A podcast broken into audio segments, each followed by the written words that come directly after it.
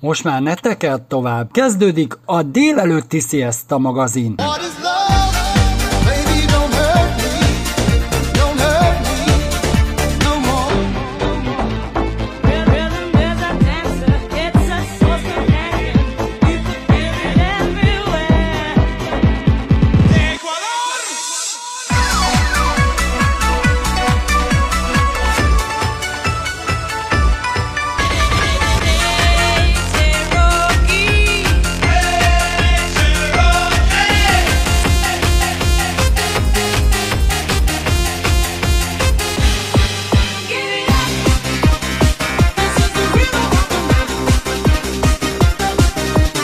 a legjobb slágerek.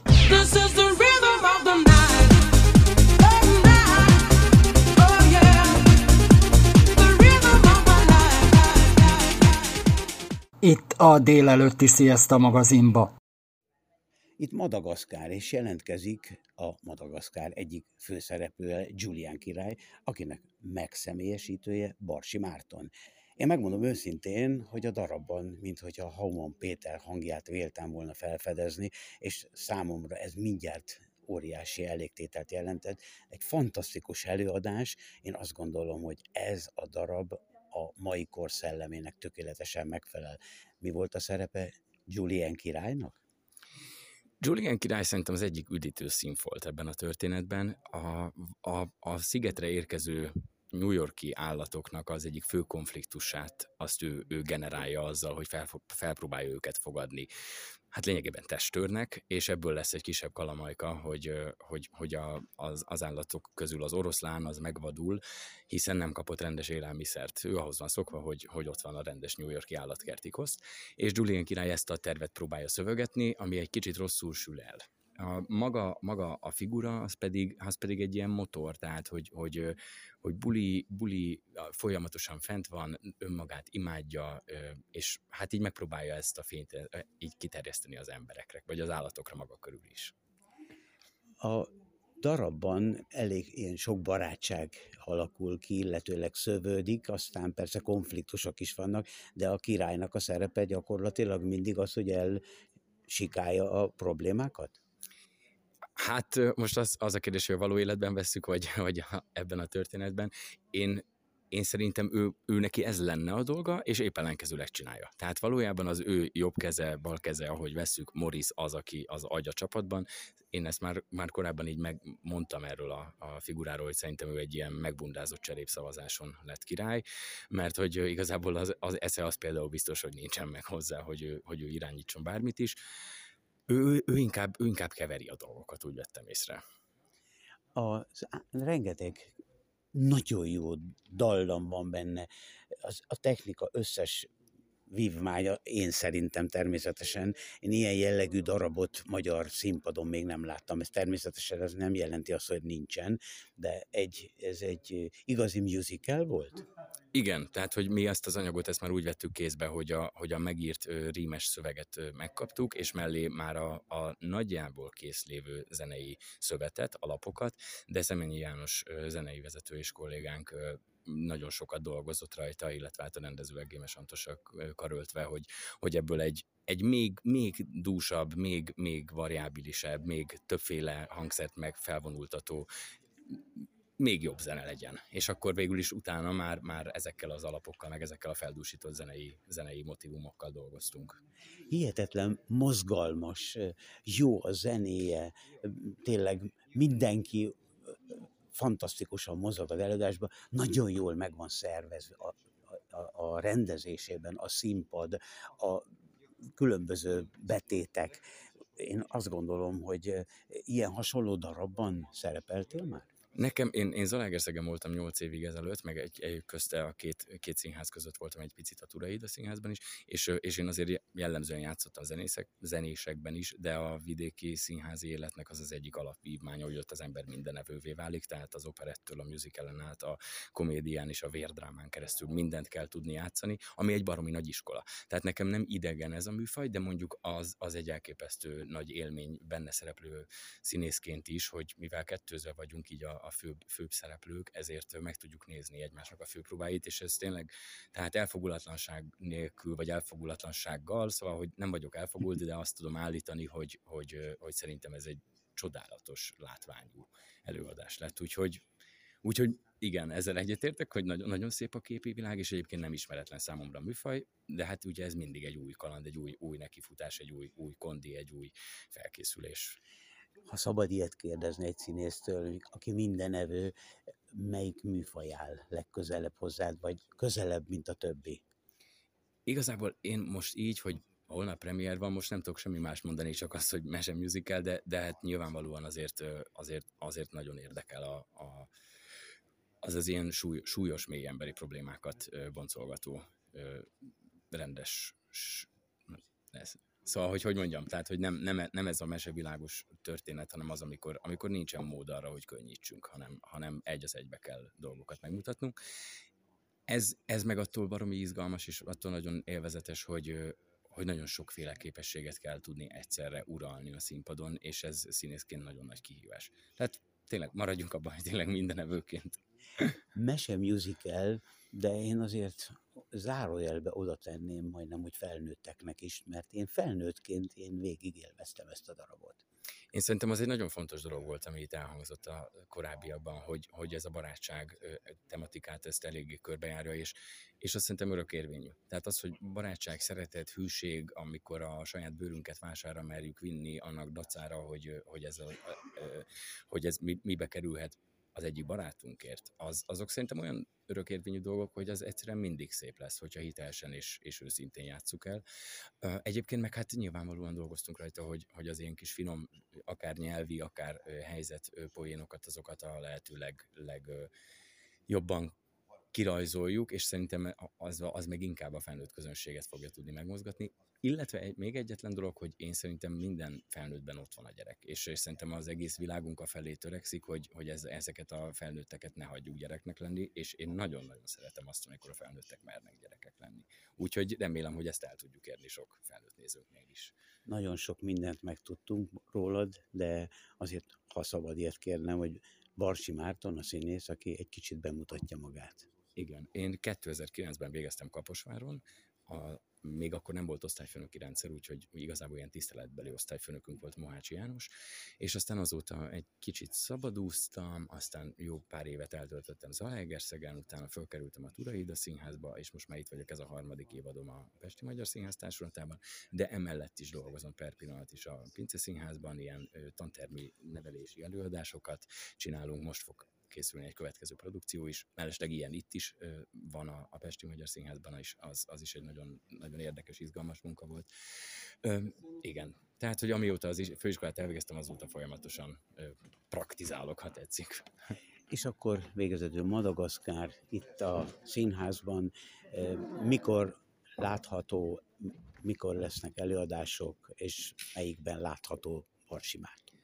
Most ez egy azért fogós kérdés, mert konkrétan holnap, tehát november az 5-e? 5-én este a premiéren, az egyik premiéren én leszek, tehát 19 órakor, illetve majd a rákövetkező napon, vasárnap 6-án 11 órakor is, viszont a hónapnak a második felében lesz még három dupla előadás, és ott még, még ilyen egyeztetési kalamajkák miatt még lehetséges, hogy változni fog. Úgyhogy ott pontosat nem tudok mondani, de, de sokat leszek. Tehát minden másodikon biztos én leszek, mivel kettőzve vagyunk. Tehát akkor mindenkinek ajánljuk Madagaszkár itt a Pesti Magyar Színházban. Köszönöm szépen.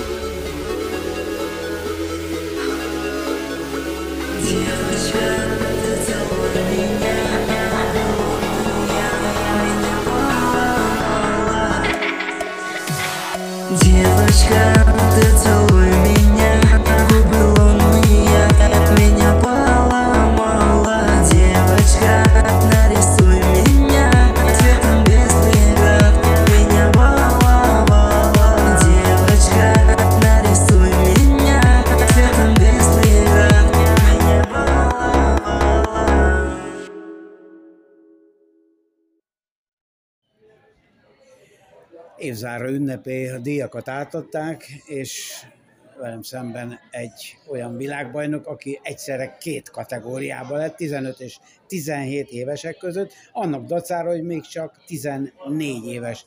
Simon Hanna, aki az évzáró ünnepség egyik sztárja. Hogy történt ez a világbajnoki cím?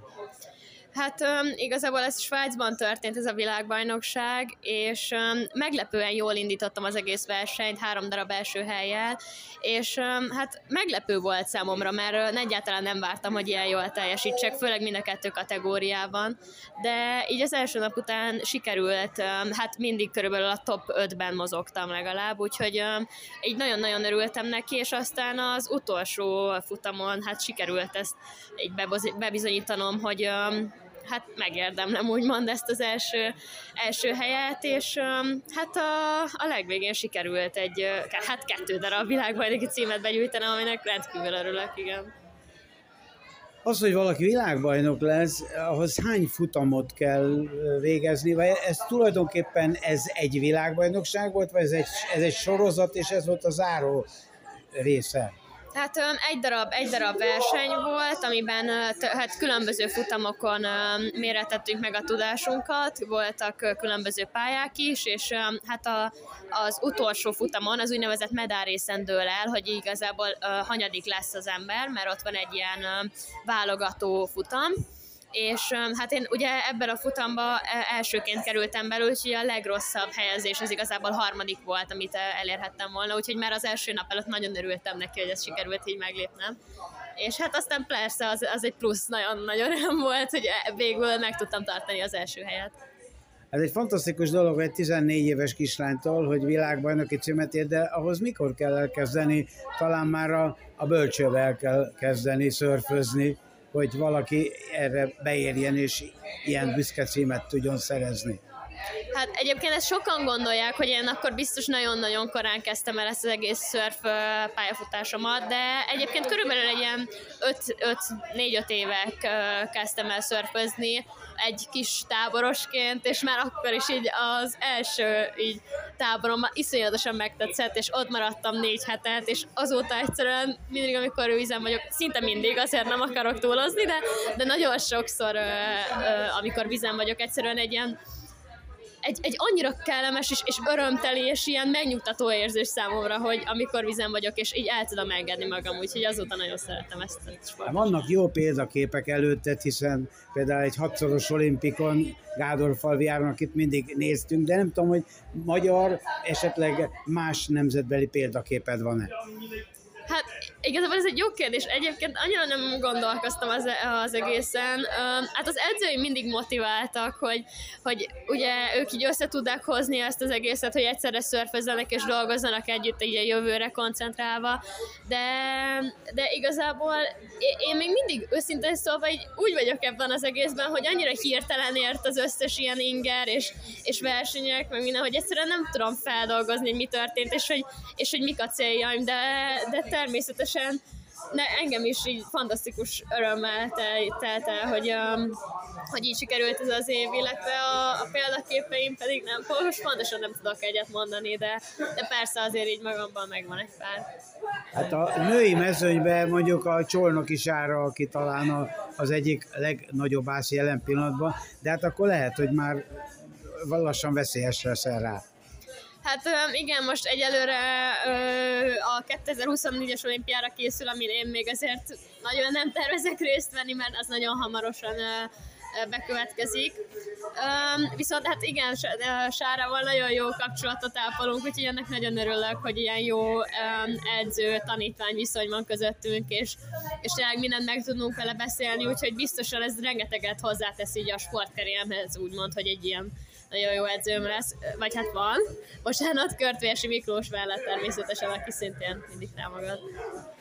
A helyzet az, hogy téged majdnem, hogy a vállukon hoztak le, itt olyan ünneplésbe volt részed, hogy az egész étterem gyakorlatilag zengett a, a, a sára kiabálásoktól, és tulajdonképpen azt lehet mondani, hogy te nagyon fantasztikusan át is élted ezt a szituációt, biztos nagyon szeretsz bulizni, és milyen csapatban vagy a hol versenyzel? Hát a körtelse színeiben indulok, um, ahol az első táboromat is megtettem, tehát igazából már mikor még a szörfezés előtt sieltem, és azt is a, ugyanebben az egyesületben tettem meg. Úgyhogy igen, a kezdetektől ebben az egyesületben sportolok, és egyáltalán nem is szeretnék elmenni. Úgyhogy nagyon örülök, hogy ők az én csapatom, és szinte már egy családként tekintek rájuk. Mik várnak rád jövő évben? Rengeteg edzés, ez biztos, mint fizikai és mint mentális is, mert hát azért természetesen iszonyatosan jó ezt az összes versenyt feldolgozni, meg minden, de, de azért mentálisan is ott kell legyen az ember az összes versenyen, hogy ezt jól tudja kezelni, illetve fizikailag a téli edzéseken mindenféleképpen ott lenni és erősíteni, és téli edzőtáborokat is végrehajtani. Aztán amik a bajnokságokon történnek, mint külföldi, mint belföldi, meglátjuk igazából. Természetesen az a címem, vagy az a, bocsánat, célom, hogy meg tudjam tartani ezt a világbajnoki címet, és meglátjuk, hogy mit az a jövő. Hiszen még két-három évig indulhatsz ebben a kategóriákban. Hol edz egy magyar leányzó, hiszen Magyarországon vannak azért tavak, de hát a versenyeket nem ilyen helyeken rendezik, hanem óriási helyszíneken.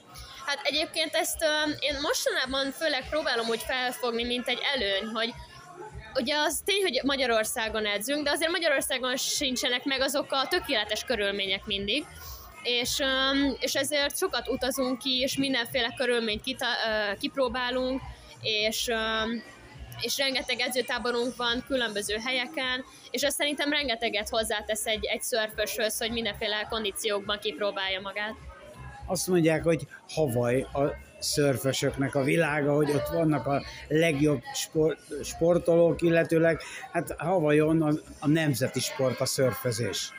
Igen, hát um, igazából a, én azt egész sportban azt szeretem a legjobban, hogy vagy ha ezt itt lehet mondani, hogy ö, tényleg folyamatosan utazunk, és, és mindig úton vagyunk, és különböző országokkal megismerkedünk az összes nemzetközi versenyen, és rengeteg barátot lehet szerezni az összes ilyen eseményen, úgyhogy persze ez is egy, egy nagyon nagy ilyen motiváció. A világbajnoki cím mellett melyik a legnagyobb élményed, ahol külföldön jártál? Hát um, talán a tavalyi Európa-bajnokság szintén, ami Horvátországban volt, Bolban, ahol egyszerűen ö, olyan idilli körülményeink voltak, hogy az, az, az, az valami elképesztő, tényleg napsütés, folyt a szél minden nap, és ö, ott, hogyha jól emlékszem, második helyet helyezés értem el, és az, az volt talán az egyik kedvenc helyszínem egy kicsit azért mutasd be magadat valójában, egy 14 éves lánynak még olyan nagy élettörténete nincsen, de hol tanulsz, mit csinálsz, és tulajdonképpen a szörfözés mellett van-e más mellett hobbid, vagy tulajdonképpen hogy él egy 14 éves kislány, nagy lány, szörfvilágbajnok? Hát én a Rákóczi Ferenc gimnáziumban um, tanulok, és uh, hát ezt sokan szoktak kérdezni, hogy ezt hogy tudom ezt az egészet kivitelezni, hogy egyszerre sportolok és tanulok is. Nem könnyű, ez tény, de egyelőre még nem vagyok magántanuló, ezt majd meglátjuk, hogy mennyire uh, fogja megkövetelni a, a sportkarrierem, hogy um, erre a pályára lépjek, de egyelőre is így szerencsére nagyon támogat az iskolám ebben, hogy, hogy ezt a kettőt egyszerre tudjam csinálni és a mindennapai napjaiban igazából, hogyha nem szörfözök, akkor otthon vagyok, és próbálok egy kicsit pihenni, és hogyha kipihentem magam egy mondjuk egy nagyobb verseny után, akkor természetesen edzek, és, és felkészülök a következő versenyekre, hogy a maximumot tudjam nyújtani. Um, egyébként különleges hobbiaim annyira nincsenek, de valahogy így soha nincs az, hogy unatkozok a szobában egyedül, úgyhogy mindig, mindig van mit csinálnom. Tehát a mai nap egy különleges nap, ez a bulizás napja, ami az évben talán nem sokszor adódik meg neked. Hát az biztos, nagyon örülök. Mindig minden évben ez a díjátadó, ez egy olyan, ez egy olyan pillanat, amikor mindenki elengedi magát, és és megkönnyebb is örül nagyon annak, hogy amit, el, amit elért ebben az évben, úgyhogy nagyon jó, mert ez egy ilyen csapatépítő ö, alkalom, amikor, amikor minden, ahol mindenki részt vesz, úgyhogy nagyon jó lesz a mai este is szerintem. Én kívánok neked nagyon to- sok sikert továbbra is, és hát érjed el azokat a célokat, amiket magadba elterveztél, mert azok a legszebb célok. Köszönöm szépen! Hát én is nagyon szépen köszönöm. Állatbarát rovatunkban, igaz most egy bevásárló központban vagyunk jelen pillanatban, de viszont egy kutyatortákról lesz szó, és először is mutassuk be a céget, mivel is foglalkoztok. Ugye hát már elárultam valamennyire, hogy kutyatarták. Igen, igen, igen. És nem egy cukrászdáról van szó. És abszolút nem, igen. Pont ebben vagyunk az egyediek. Ö, 2016-ban ö, hoztuk létre ezt a kutyatorta céget. Akkor még elég kezdetleges volt ez a, ez a történet, úgyhogy aztán terhes lettem, és sajnos nem tudtam ezzel foglalkozni. És igazából most kettő éve kezdődött el úgy igazán a, a, az ezzel kapcsolatos feladatok, reklámok, és hát azért finomítani kellett mindenféleképpen a tortákról. Tehát akkor ti nem külföldről ö, kaptátok az információt, mert ugye hát külföldön már ez természetes dolog, hogy akár bemegyek egy cukrászdába, és azt mondom a cukrásznak, hogy egy kutyatortát szeretnék, amit ugye, ne adj Isten, tegyük fel, egy átlag ember is meg tud enni, mert ugye ott a kedves hallgatók nem tudják, hogy répa tortából készülnek, meg ilyen Mogyoróvaj. mogyoróvajból dolgok. Cukormentesek, tehát hangsúlyozom, cukormentesek ezek a torták, de ugye Magyarországon még nem létezett ez a idézelbe szakma. Igen, igen. Hát ez egy teljesen új történet, ezt a, ez a férjem agyából pattant ki igazából, és ugye hát mi azért vagyunk különlegesek, mert nem sütjük a tortát, nem lisztből van, hanem kifejezetten... Teljes értékű húsból, Teljes értékű húsból, nagyon sokféle hús közül lehet választani, úgyhogy van tényleg választék bőven, illetve hát a díszítést is mi találtuk, úgymond ki rá, mi, mi készítettük el, mi dolgoztuk ki, ez pedig kifejezetten kutya csokiból van, úgyhogy ez emiatt meg is volt kötve a kezünk, hogy mi az, amit felhasználhatunk, ami a kutyáknak a pocakját nem bántja. És aztán valahogy így egyébként cukrász ismerősök is segítettek ebben, hogy a díszítés az mégis dekoratív legyen, de azért fogyasztható legyen a kutyák számára is. Úgyhogy ezért így összefogtunk, és, és megszületett az igazi, ami már most kettő éve látható, megszületett az igazi kutyatorta most már. Mivel azokkal a, hát idézve ugye hát a kutyák is szeretik a húst, de hát macskák is ezért léteznek. Igen, Ugye igen. hát ők is szeretik a húst. Ajánljátok ezeket a tortákat akár cicáknak is?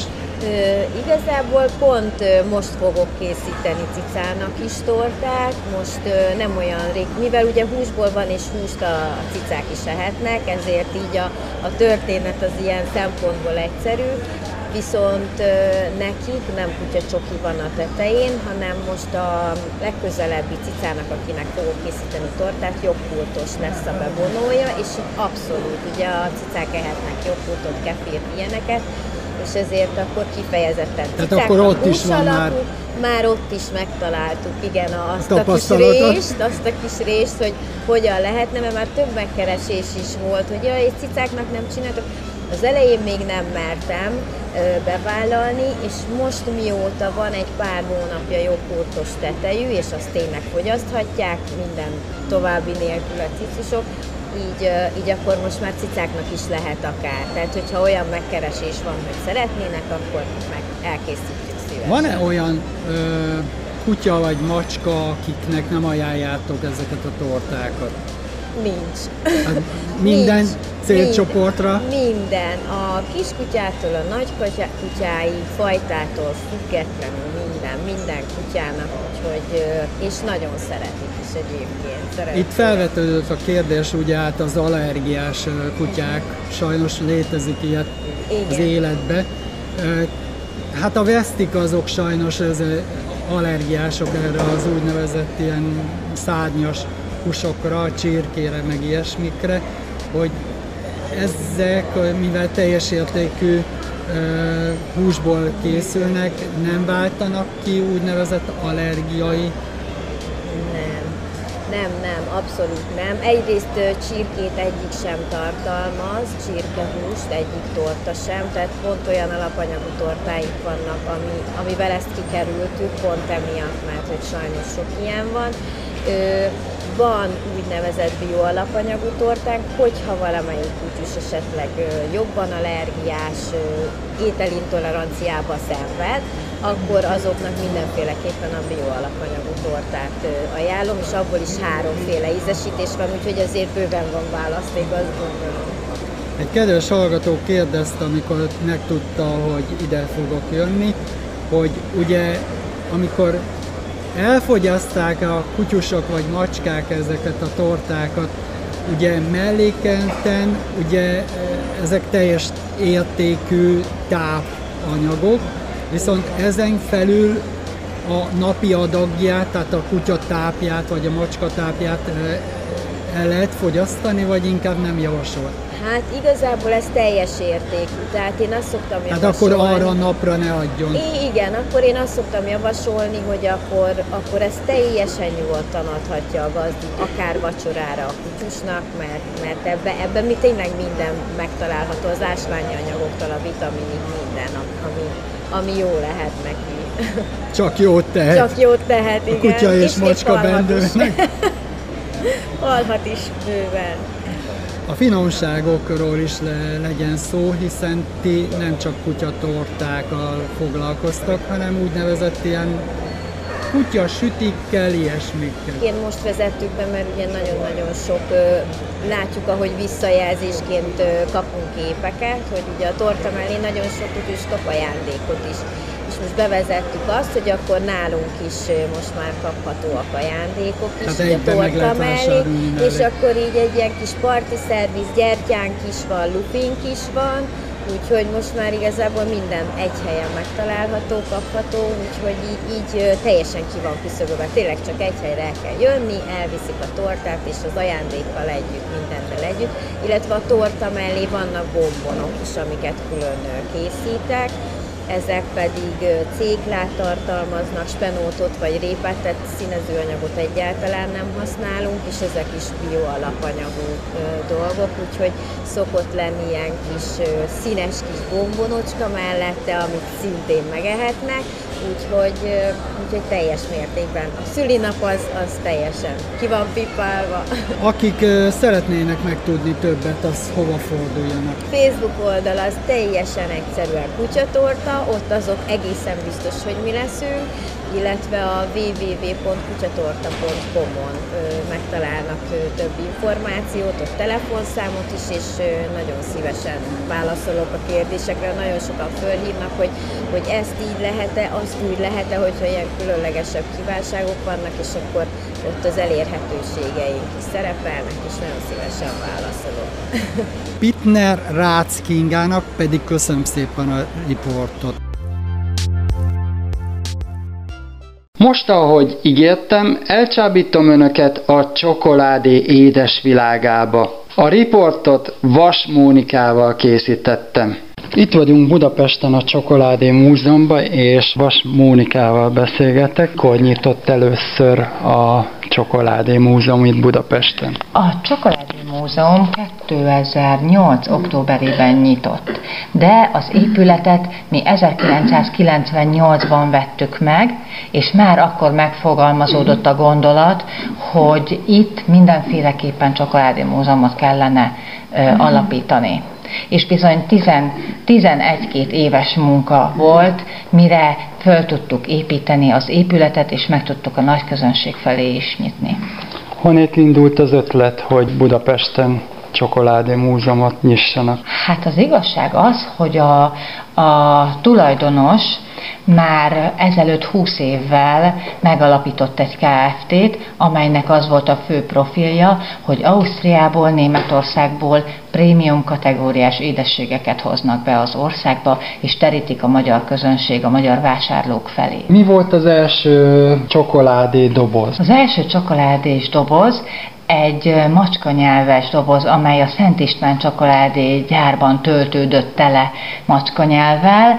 Ez a macska nyelvről azt kell tudni, hogy Zserbó Emil készítette el itt Magyarországon, mert bár tudjuk, hogy Zserbó eredetileg nem magyar ember volt, hanem egy svájci származású francia cukrász, de Kugler Henrik hívására Budapestre érkezett, aki bevette a, a cégébe társként Kugler és társa néven üzemeltették a cukrászdájukat, a cukrászműhelyüket, majd Kugler halála után Zserbó névre keresztelődött a cukrászda. És ez a Zserbó készítette el az első macska nyelvet is. Itt a látogatók kipróbálhatják önálló csokoládét is készíthetnek. Milyen szoktak készíteni az ide látogatók? Hát erre a célra speciális ö, dolgaink vannak, van egy linzer kosárkánk, amit meg lehet csokoládéval tölteni.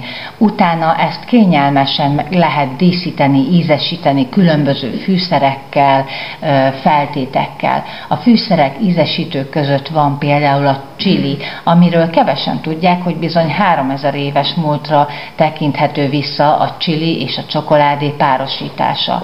Emellett Nyilván vannak könnyebb feltétek, például kókuszreszelék, cukor, cukorgolyócska, vagy a különlegesebbek között sorolhatnám a rózsaszírmos díszítést. Hogyha ezekkel ö, feldíszítették a csokoládét, akkor utána a dermedés után ez haza is vihető egy gyönyörű szép dobozban. Itt beszélgettünk korábban arról, hogy hol volt az első ö, csokoládébolt Budapesten. 1800-as évek végén nyitották az első Stümmer csokoládéboltot a Kecskeméti utcában. Tehát a Stümmernek mellesleg, emellett még további 62 fióküzlete volt Európa legdivatosabb, legnagyobb városaiban, köztük például Párizsban is és Bécsben is nyitott boltot. Nagyon szerették Stümmer boltjait Európa szerte, és természetesen Budapesten is. Azt említsük meg, hogy a Csokoládé Múzeumot fogyatékosoknak is elérhető, hiszen akadálymentes ö, meg lehet látogatni, de viszont korlátozott számba tudnak fogadni kerekesszékes vendégeket. Igen, kerekesszékesekkel ö, egy csoport maximálisan 8 kerekesszékes vendéget tud elhozni, mert ö, a falak sajnos adottak tehát azokon tágítani nem tudunk. Egy helyiségbe kényelmesen kerekesszékes 8 tud elférni, de mellette további nem kerekesszékes vendégek természetesen meg tudják tölteni a termet. Mi kipróbáltuk itt kerekesszékes feleségemmel, hogy ö, szinte tökéletesen lehet közlekedni a termek között. Igen, igen, ő benne valószínűleg volt ez a késztetés, bár engem erről konkrétan nem tájékoztatott, de tudom, hogy mindig azt mondta, hogy itt mindenhová el lehessen jutni mindenkinek. Egyetlen egy küszöbünk van, amit sajnos muszáj volt megtartanunk, a, tűzajt, a tűzzáró ajtó miatt kellett egy kis küszöb. A ház történetéről meg lehet tudni valamit. Igen, természetesen. Ez a ház egy vadászkúriaként kúriának épült ezelőtt 109 évvel, 1902-ben. Egy bizonyos Wagner család tulajdonában volt, nem állandó lakhelyükül szolgált, körben nem is voltak épületek, házak, lakóházak, hanem vadászbirtok volt. Az egész csömörhöz tartozott, majd a Wagner család kivándorolt Amerikába, és itt hagyták az épületet őrizetlenül a második világháború után államosították, volt ebben az épületben iskola, mozi, művelődési ház, futballszertár, és legutóbb is iskolaként funkcionált, amikor 1998-ban a mostani tulajdonos megvásárolta, és akkor álmodta meg, hogy itt egyszer majd csokoládé múzeumot fog építeni. Nagyon sokan úgy gondolják, úgy hiszik, hogy a kakaóbab az Afrikából származik. De ez bizony nagy tévedés, mert nem. a dél-amerikaiak. A dél-amerikai vándorló indián törzsek fedezték fel először 3000 évvel ezelőtt azt a vadon növő cserjét, amelynek elfogyasztása után észrevették, hogy visszatér az erejük. És amilyen, bármilyen furcsa, a kakaó termésnek először nem a magját fogyasztották, amiből most már a csokoládét készítik, hanem a gyümölcs húsát. És a gyümölcs húsából sört készítették. Csak mivel 3000 évvel ezelőtt jellemző volt az, hogy nagyon sokszor éheztek az emberek, sokszor kényszerültek arra, hogy a természetben talált magvakat, bogyókat elfogyasztják, elfogyasztják, így kerülhetett sor arra, hogy miután elfogyott a sör, ráfanyalodtak a kakaó magocskákra is és bár ezek a magocskák igen keserűek voltak, mégis pár szem fogyasztása után ö, azt tapasztalták, hogy az energiájuk visszatér, újra tudnak dolgozni, és még egy kicsit jobbkedvűek is lettek. És ö, vándorló törzsek lévén nagyon hamar észrevették, hogy ez a magocskát, hogyha megszárítják, bizony könnyen szállíthatóvá válik és a vándorlótárs törzsek által jutott el a mai Mexikó területére, ahol aztán tovább folytatódott a csokoládé kultúrájának kialakulása. A Csokoládé Múzeumot a kedves érdeklődők Budapesten az Árpád-földön a 16. kerületben Beket utca 22 szám alatt találják. A nyitvatartásunk az korlátozott, minden héten kedden, csütörtökön és szombaton három időpontban fogadunk egyéni látogatókat, de ha csoportosan szeretnének jönni, akkor az ezen kívüli időpontokban is tudunk helyet biztosítani. Mindenféleképpen telefonos vagy e-mailben történő bejelentkezést kérünk a kedves vendégektől. Telefonon a budapesti körzet, tehát egyes körzet 401 50 20-as, vagy 401 5006-os telefonszámon, vagy írásban a gere.jános kukac feda.hu e-mail címen, illetve a vas kukac feda.hu e-mail címen várjuk a bejelentkezéseket.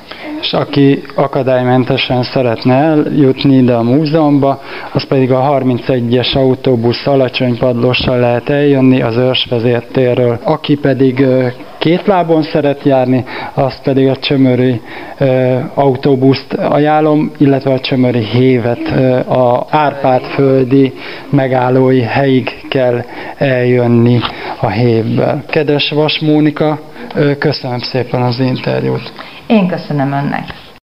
Esélyegyenlőségi magazin. Írjanak, lájkoljanak bennünket a Facebookon www.facebook.com per esélyegyenlőségi magazin címen. E-mail címünk esélyegyenlőségi.magazin kukaszgmail.com Bevallom őszintén, a legtöbb interjú alanyommal ezzel magázni szoktam, de te nagyon fiatal vagy. A legtöbb ilyen fiatal inkább úgynevezett más szakmát választ. Te miért választottad a méhészetet? Nálunk igazából ez ilyen ö, családi ö, vonás. Nekem ö, már nagypapám is méhészkedett, apukám is méhészkedett, így gyerekként tulajdonképpen egész gyerekkoromban folyamatosan méhek mellett voltam, folyamatosan találkoztam velük, állandóan ettem a mézet, és így amikor a pályaválasztás időszaka jött, akkor el kellett dönteni, hogy akkor most magam felépítek egy karriert, vagy egy vállalkozást, vagy bármit, vagy felhasználom azt, ami amúgy is van, és akkor ahhoz próbálunk meg több értéket adni, azt növelni akkor úgy döntöttem, hogy igazából a, a, a, nekem ez a méhészet tetszik, én mindig is szerettem, úgyhogy inkább akkor erre felé mennék tovább. Milyen mézfajták léteznek? Itt ugye hát a legtöbben a virág, akác, meg ilyesmit is de ismernek, de ezen kívül vannak ilyen speciális mézek, mint például a repceméz. Hát a repcét azt igazából uh, már egyre többen ismerik, és egyre többen uh, készítik. Igen. Vagy például itt van a dióméz. Sokan nem tudják, hogy például a szívre nagyon jó. Mi diómézet nem készítünk, nekünk olyan mézünk van, hogy az akácmézbe beletesszük a, a diót, és az serkentőleg hat az agyra. A méz nagyon sok anyagot ki tud oldani növényekből, termésekből, bármiből, amit, amit az ember beletesz, és így a dióból is képes olyan anyagokat kioldani, amiket nem biztos, hogy a szervezet ilyen mértékben tudna egyébként hasznosítani. Van veszély annak, hogy például, ha ugye diót raktok be, akkor elvileg, aki allergiás rá, az olajos magvakra, akkor előfordulhat, hogy a, ugye kioldódik belőle ebből a dióból, akkor a mézre is allergiás, a diómézre? Én el tudom képzelni. Sejenfű méz mire jó?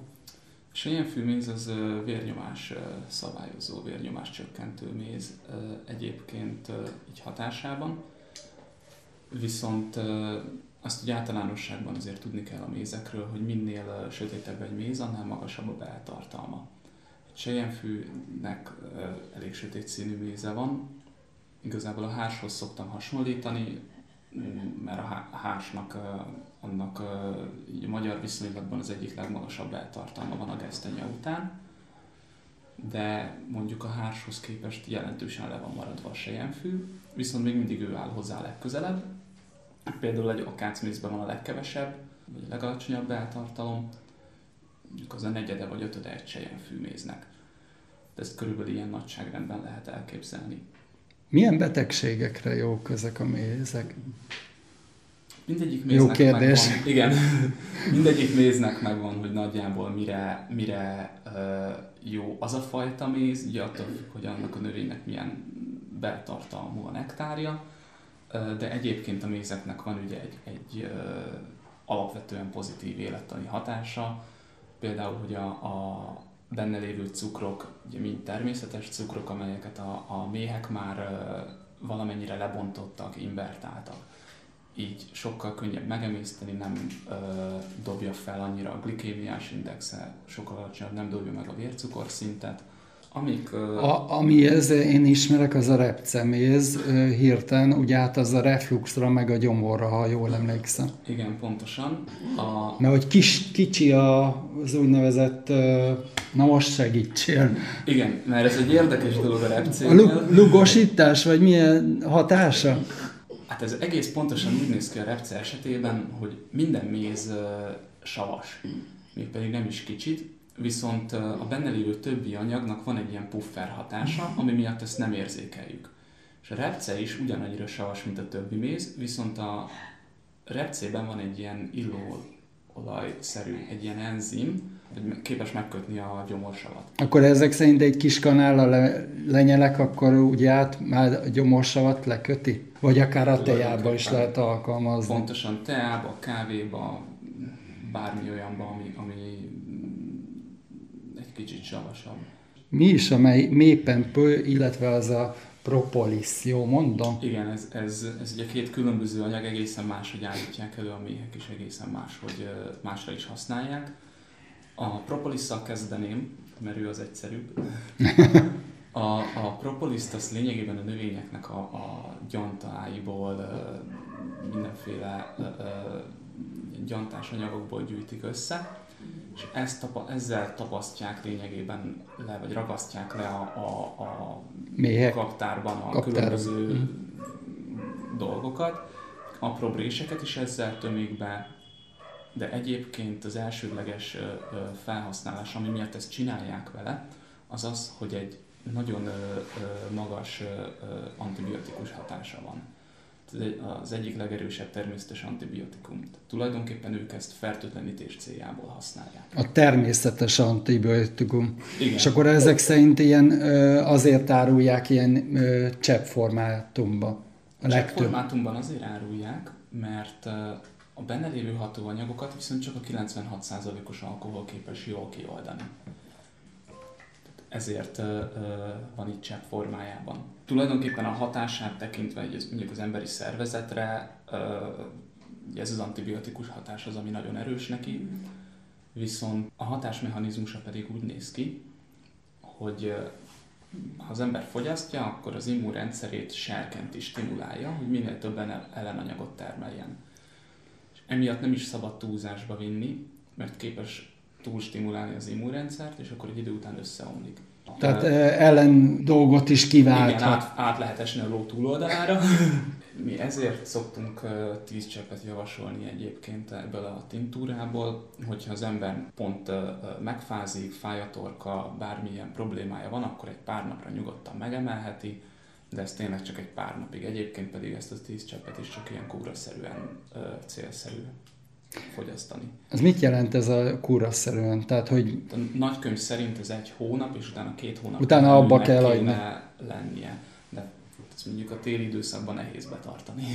Lényegében a mélypempőt azt a, a petéknek adják három, napot, három napig, illetve a királynő, az anya, a mély királynőt, vagy mély anyát pontosabban, ebben, ezzel nevelik. A mély anyának 14, 14 nap a kikelési ideje, ez pontosan annak köszönhető, hogy a mélypempőt fogyasztja végig. Tehát ez a táplál Kozi. Igen, ez a tápláléka. Még egy dolgozónak a kikelési ideje 21 nap. Tehát ennyivel lerövidül, és mivel hogy ez annak köszönhető, hogy a mélypempőnek sokkal magasabb a beltartalma. Minden enzimekben, hormonokban, ásványanyagokban, vitaminokban sokkal tömörebb, töményebb fehérje tartalma van. Ez egy sokkal gazdagabb, sokkal tömörebb anyag, emiatt hat az emberi szervezetre is sokkal intenzívebben, tehát egy ilyen vitaminbombaként, vagy egy ilyen immunerősítő bombaként. Egyébként az előállítása pedig úgy történik a méhek oldaláról, hogy lényegében a, a mézet összekeverik a garatmirigy váladékokkal, vagyis a nektárt. Ettől lesz a nektár méz. Plusz elpárologtatják belőle a víztartalmat.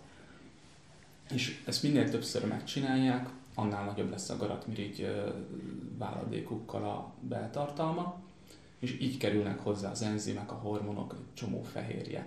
Lényegében egy, egy, egy ilyen sokkal inkább állati eredetű anyag, mint növényi eredetű. Zene után folytatjuk. Most egy 12 éves kislány ezért tette fel a kérdést, honnan tudja a mély, hogy ez az ő kaptárja? A méhek minden nap ö, megnézik, hogy pontosan ők hol vannak, hogy honnan jöttek ki. Ezt úgy hívják, hogy tájoló repülés. Tehát hasonló, mint a GPS. Igen, körülbelül. Ők annyi különbség, hogy ők tereptárgyakhoz viszonyulnak, illetve színeket látnak. Ami érdekes, hogy mondjuk a piros szín az már az ő színskálájukon kívül van. Ezért is van az, hogy a, a méhészetekben a kaptárak mind színesek. Sárga, zöld, kék. Aha, akkor ezek szerint ezért van. Pontosan, ez, ezért ilyen színesek, így segíti a méhész, hogy a, a, mély, a mély megtalálja az ő kaptárát, plusz ugye a méhek a terep, tereptárgyak alapján tájékozódnak, és nekik a, a, ők nem észak-nyugat-dél szerint, hanem ők a nap irány, na, naphoz viszonyítanak mindent, viszont képesek arra, hogy az, a, a napszakoknak megfelelően ö, hozzá ö, pozícionálják, hogy, hogy a nap most erre van, de tudom, hogy arra volt, reggel innen jöttem, akkor most tudom, hogy ennyi az idő, akkor arra kell mennem. Mi van akkor, ha például kivágnak egy fát? Te pont ezzel ugye hát a szegény mi az a, az úgynevezett pontja, ami betájékoztat. Megzavarja őket. Lehet látni a, rep- a mozgásukon, a repülésükön ilyenkor, hogy, hogy azért olyan kicsit zavarosak, kicsit olyan, olyan értetlenkednek Alapvetően visszatalálnak persze ettől még ugyanúgy a saját kaptárukba, de ilyenkor mondjuk azon a részen lehet, hogy egy kicsit több még fogott úgy gondolkozni, akkor most mi is történt. Ugyanez a kislány kérdezi, hogy mit csinálnak a méhek télen.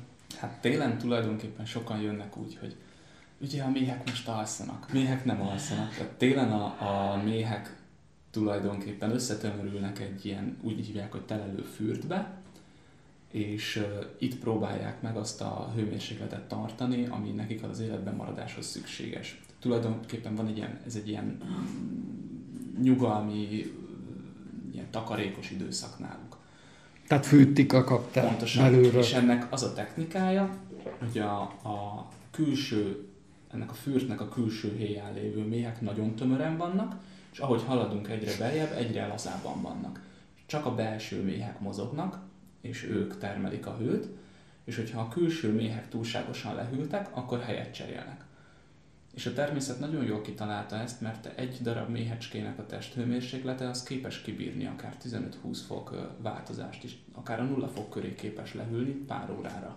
A legjobb kérdés az, hogy ugye hát mire is figyeljünk oda, mi vásárlók, hogy amikor megvásároljuk a mézt. Bármelyik bevásárlóközpontban, vagy bármelyik üzletbe vásárolunk. Sajnos hallottunk olyat, mi mézfogyasztók, mondhatom így többes számba is, hogy ilyen kínai ócskavasak, már bocsánat, hogy így fogalmazok. Észre lehet venni, hogy mondjuk, hogy mondjam, ez egy idézőben hamusítvány méz? Elsősorban mondjuk egy bolti és egy, egy termelői méz között én azt a különbséget vettem észre, hogy míg nekem egy, egy kilós üvegbe, ami 720 ml, abba belefér a 980 g garantáltan, viszont egy bolti mézben 850-900 g, amit azzal kapcsolnék össze, hogy a méznek alacsony a víztartalma. Pontosan ezért sűrű, ezért kristályosodik. A méz egy túltelített oldat, ezért idővel minden méz ki fog kristályosodni. Ez egy teljesen természetes, teljesen normális folyamat. Viszont, hogyha hígabb egy méz, akkor ugye alacsonyabb a fajsúlya is, egyből folyékonyabb lesz, és nem fog kristályosodni. Ha már így a kristályosodásról beszélünk, ijedjünk-e mi vevők meg, hogyha mondjuk egy méz kristályosodik? Semmiképp. A kristályosodás az annak köszönhető. Ez tisztára úgy néz ki, mint egy cukor, de nem cukor. Igen, tulajdonképpen cukor, csak nem az a cukor, amire az ember így Tehát nem kristálycukorról beszélünk, Pontosan. hanem a természetes cukor. Ez, ez a, a növényeknek a nektárjából bekerülő cukortartalom. Tehát fruktóz és glukóz cukor az, ami kristályosodik, és attól függ, hogy melyik méz mennyire gyorsan kristályosodik, hogy melyik cukortartalom van ö, többségben. Ennek a kettőnek az arányától függ. Például egy akácméz lassabban kristályosodik, de mondjuk egy fél év után vagy egy év körül azért már mindenképp azon is kell látni a kristályosodást. Viszont egy vegyes virágméz, egy repceméz, egy, egy, még a facélia méz is viszonylag gyorsan egy hónapon belül simán bekristályosodik. Méz és méz között van-e különbség? Természetesen. Mondjuk termelő és termelő között. Én, hála jó Istennek, volt szerencsém több ilyen termelőtől megkóstolni mézeket különböző helyekről, és én azt vettem észre, hogy virágméz és virágméz között is van különbség. Az mindenképp. Egyrészt nekem is van két év között, egy-egy mézem között különbség. Ez mind időjárástól, mind attól, hogy hova vittük a méheket, miről gyűjtötték a méhek, ez mind ezektől függ. Illetve, hogyha mondjuk két méhészetet nézzünk, akár olyan méhészet is, ami egy helyen van, mi is nagyon sok méhészt ismerünk, nagyjából akikkel egy-egy mély legelőre körülbelül ugyanoda járunk, vagy pár kilométer eltéréssel, és egészen más kettőnknek mondjuk az akácméze, vagy a vegyes virágméze Nagyobb távlatban pedig főleg a vegyes virágméznél előfordulhatnak komoly különbségek. Nem mindegy, hogy mennyi mély családdal méhészkedik a, a, a méhész, mennyi mély család van egy helyen. Egy erdei virágméznél ö, kevesebb mély család is képes ö, jó mézet gyűjteni. Viszont egy olyan helyen, ahol ö, kevesebb, kisebb a növénydiverzitás, oda hiába tesz oda az ember sok mély családot, akkor se tud egy olyan beltartalmú mézet előállítani. És ezek mind-mind különbségek. Lehet, hogy csak két kilométer van a két méhészet között, mégis óriási lesz a különbség. Ti méhészetéteknek, mert hogy ugye családi vállalkozásban vagytok, hányfajta terméketek van? Nekünk általában évről évre 5-6 féle mézünk van, és ezen kívül még szoktunk csinálni ilyen uh, magos mézeket dióval, vagy asszaltáfonyával, asszaltszilvával, mandulával, ezeket elsősorban akácmézzel, illetve vannak gyógynövényes mézeink, amelyek az ö, esetében az akácméz van beízesítve a gyógynövényet. Gyógynövényből Múltkor láttam ez pont a Facebookon, és most ez elárulok a kedves hallgatóknak, hogy ilyen csilis mézet is láttam, azt hiszem a pont a ti honlapotokon.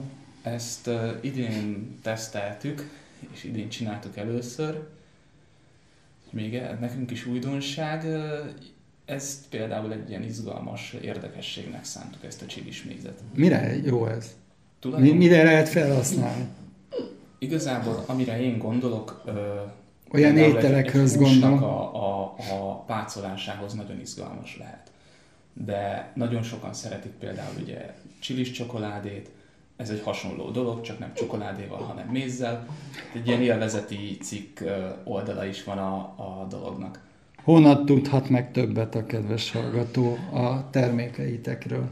Nekünk egyelőre egyrészt uh, piacon értékesítünk, tehát ott, ott Budafokon. bárki megtalál minket, igen. Aki régen a Varga Jenő tér, vagy mostani Városház jó mondom, Pontosan. ott lehet kapni ezeket a termékeket vagy a Facebookon vagytok rajta, gondolom. Online pedig pontosan a Facebookon lehet minket elérni, ugye Mészcsek Manufaktúra a nevünk, úgyhogy ezen a néven vagyunk fent a Facebookon is, illetve nagy tétényben a helytörténeti kiállításon is mi képviseljük a méhészetet, mint szakmát.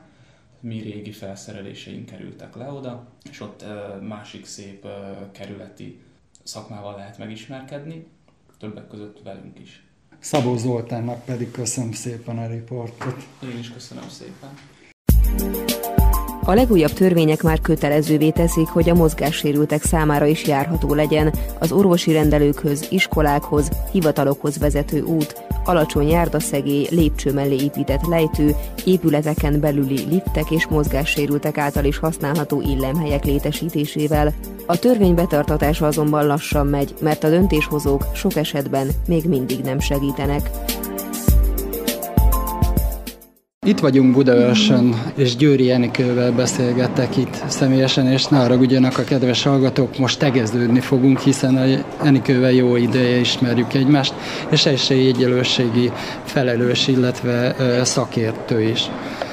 Neked van egy céged, ami kimondottan akadálymentesítéssel, illetve rehabilitációs dolgokkal foglalkozik. Először is mutassuk be, hogy mióta létezik a céged. A cégem 1998-ban alakult, mint akkor még BT-ként, mert 2003-ban KFT lettünk. Úgy hívják, hogy Elsinor 2003, orvosi rehabilitációs és szolgáltató KFT. Na most ugye a nevében is benne van, egyrészt orvosi tevékenység folyik benne, tehát az édesanyám, mint pszichiáter és neurológus tevékenykedik ebben, másrészt pedig rehabilitációs és szolgáltató tevékenység. Ugye a rehabilitáción belül én végzem az akadálymentesítéssel kapcsolatos tevékenységeket, ami ugye abból áll, hogy egyrészt különböző pályázatoknál szak, szakértői véleményt adunk a, az építészeti tervekhez, és hát természetesen akkor ennek megfelelően kell megtervezni a, az épületet, közterületet, vagy egyéb más a pályázatban lévő közszolgáltatást. Tehát az a lényeg, hogy egyenlő esélyű hozzáférés biztosítson az előírások szerint. És akkor már második kérdésemre már válaszoltál is, hogy mi a feladata egy esélyegyelőségi felelősnek, illetve szakértőnek? Na most uh, itt azért el kellene választani, mert uh, van a rehabilitációs környezettervező szakértő, aki a műszaki részekkel foglalkozik jobbára, persze természetesen egyéb rehabilitációs dolgokkal is, és van az esélyegyenlőségi szakértő, aki kimondottan az esélyegyenlőség kérdéseivel, ami ugye nem kimondottan műszaki, vagy tehát, a, tehát ha jól értelmezem, az összes a... olyan ö, csoport vagy személy képben van, illetve hát ö, ide tartozik, amelyet a esélyegyenlőségi törvény szerepeltet. Tehát így a nők, fogyatékkal élők, férfiak, egyéb csoportok, most nem szeretném végig sorolni, tehát hogy senkit nem lehet megkülönböztetni nem szín, bőr, fai vagy egyéb ö, tulajdonságok alapján, hát itt felsorol a jogszabály elég sok ö, féle követelmény. csoportot, hmm. és hát ezek is ide tartoznak a tevékenységemhez. Tehát, hogy például a femina.hu-n volt a mesélyegyenlőségi szakértő, és ott például nagyon sok kismama érdeklődött tőlem esélyegyenlőségi problémák felől. ez a dolog arról szól, hogy a rehabilitációnak több részterülete van, ami összekapcsolódik az esélyegyenlőséggel, tehát ugye a foglalkozási, pedagógiai, szociális rehabilitáció és az egészségügyi rehabilitáció. Na most ezek ö, alatt kell érteni ugye az esélyegyenlőség területét és az akadálymentesítést. Tehát ez fogja közre tulajdonképpen ezeket a területeket, és ezen belül léteznek az akadálymentesítés és az esélyegyenlőség. Te, mint budaörsi lakó, hogy látod, mint szakértője a fogyatékos ügyet itt Budaörsön? Negatívan vagy pozitívan? Nekem elég pozitív élményeim vannak, mivel 2001-ben én itt alapítottam egy egyesületet, a Budaörsi Sérülteket Segítő Egyesületet, tehát jelen, jelenleg már nem tevékenykedem benne, és pontosan a sérült emberek érdekében alakítottam, és egy rehabilitációs tervet készítettem, hogy itt egy rehabilitációs intézményt hozzanak létre. És nagyon támogatták ezt a ötletet, ötletet és a képviselőtestület is, és elindult ezáltal egy folyamat, majd később ugye létrejött itt a támogató szolgálat, az első támogató szolgálat Magyarországon tulajdonképpen, és akkor még a jogszabály sem volt kész erről. Tehát a támogató szolgálatokról szóló jogszabály elkészítésében is együttműködtem a jogszabály alkotóval, mert itt a gyakorlati problémákat tudósítottam oda felé, hogy itt mikkel lehet szembenézni.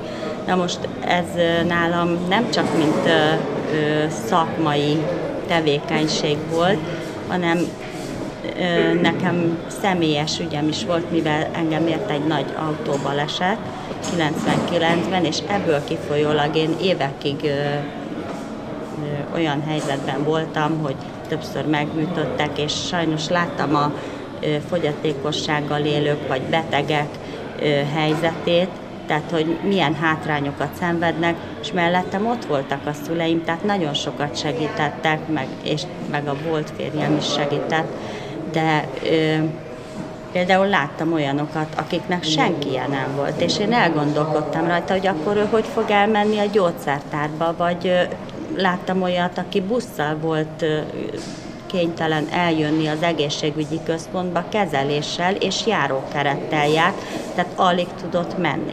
És én ezen nagyon elgondolkodtam, és azt mondtam, hogy hát ez, ez így nem mehet tovább, itt valamit tenni kellene, és én a magam módján, akkor még mint magánszemély próbáltam meg ezt a folyamatot elindítani. Majd itt született is egy könyv, a Digitális Esély című könyv, ahol Budaörsi olyan egyedi újítások szerepeltek benne, többek között ilyen jellegűek is, ami még sehol nem jött létre, de az mondjuk inkább a digitális fejlesztésekről, távmunkairoda beindításáról, ilyenekről szólt, és ebben voltam társszerző. Rengeteg munkát tapasztalhatsz a hátad mögött. Mire vagy büszke? Hát én inkább úgy fogalmaznék, hogy nem büszke vagyok, hanem jó érzéssel tölt el az, hogy azokban a munkákban, amiket eddig csináltam, és nekem mind a legkisebbtől a legnagyobb munkámig ez fontos.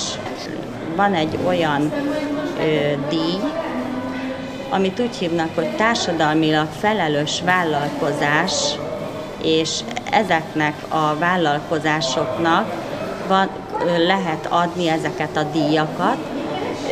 Vannak különböző fokozatai, ugye bronz, ezüst, aranyfokozat, és bizony kiderült benne, hogy nekik ez nem csak a díj miatt jó, hanem ők nagyon sok költséget megtakaríthatnak azáltal, hogyha fogyatékkal élőket alkalmaznak és hát Magyarországon is van egy olyan, hogy ugye megfelelő számú alkalmazott után rehabilitációs járulékot kell fizetni a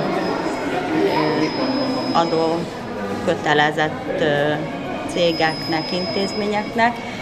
Na most, hogyha ők alkalmaznak 5%-ot, tehát a munkavállalók 5%-a fogyatékkal élő, akkor nekik ezt nem befizetni kell, hanem ők fognak pénzt kapni, és ezek ilyen milliós nagyságrendre rúgnak, van, ahol esetleg, hogyha olyan nagy a cég, milliárdos is lehet. Tehát költségeiben ez nagyon nagy megtakarítást is jelent. Tehát uh-huh. a mhm. startkártyával rendelkezőknél a munkaadók kedvezményt kapnak. Tehát ha jól értelmezem, akkor egy mozgáskorlátozott, illetve fogyatékkal élő ki kell, hogy váltsa ezt a Start Plus kártyát? Így van.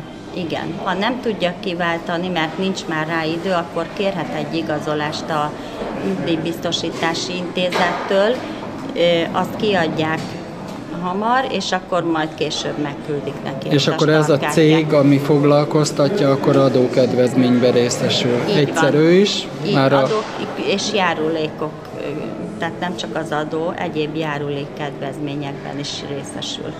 Ezt sajnos kevesen tudják. Kevesen tudják, és ez most azért is fontos, mert ugye nagyon sok megváltozott munkaképességű személyt akarnak visszaindítani a van, behívnak felülvizsgálatra, aki ezt kéri, és hogyha nem fogják leszázalékolni, akkor el kell neki menni a munkaügyi központba, hogyha szeretne ilyen startkártyát és támogatást kérni, vagy munkát, meg hogyha szeretné a rehabilitációs járulékot megkapni a jogszabály előírásai alapján. Hol lehet elérni a cégedet? Tehát mi Budaörsön vagyunk, itt van a székhelyünk, fel lehet bennünket hívni a 0630 665 42 14-es telefonszámon, vagy a www.elsinor kötőjel kft.hu honlapon. Köszönöm szépen Győri Enikőnek. Nagyon szívesen, én is köszönöm szépen. A műsorunk együttműködő partnerei a segítő kutyánkat, szépségét és kikapcsolódását a Dogmopolite segíti. Dogmopolite, kutyapanzió, kutyakozmetika, kutyasétáltatás, aktív napközés, kutyakigépzés felsőfokon. Műsorunk támogatója az Ukko Hungary Kft. Ukko teja, a folyékony egészség. Önök a Sziasztő magazin műsorát hallották. Műsorunkkal legközelebb jövő héten szombaton találkozhatnak velünk ugyanezen a frekvencián. Munkatársaink voltak Bratkó József szerkesztő, műsorvezető, Bratkóné Földesi Ágota szerkesztő, Juhász Tímea, Molnár Erika, Rajecki Gabriella, Rákos Gábor, Tarcsi Géza. Műsorunkat megtalálják a Facebook közösségi portálon, míg riportjainkat Spotify, Google Podcast, Breaker Podcast, Anchor FM Podcast kínálatában is elérhető. Tartsanak velünk legközelebb is!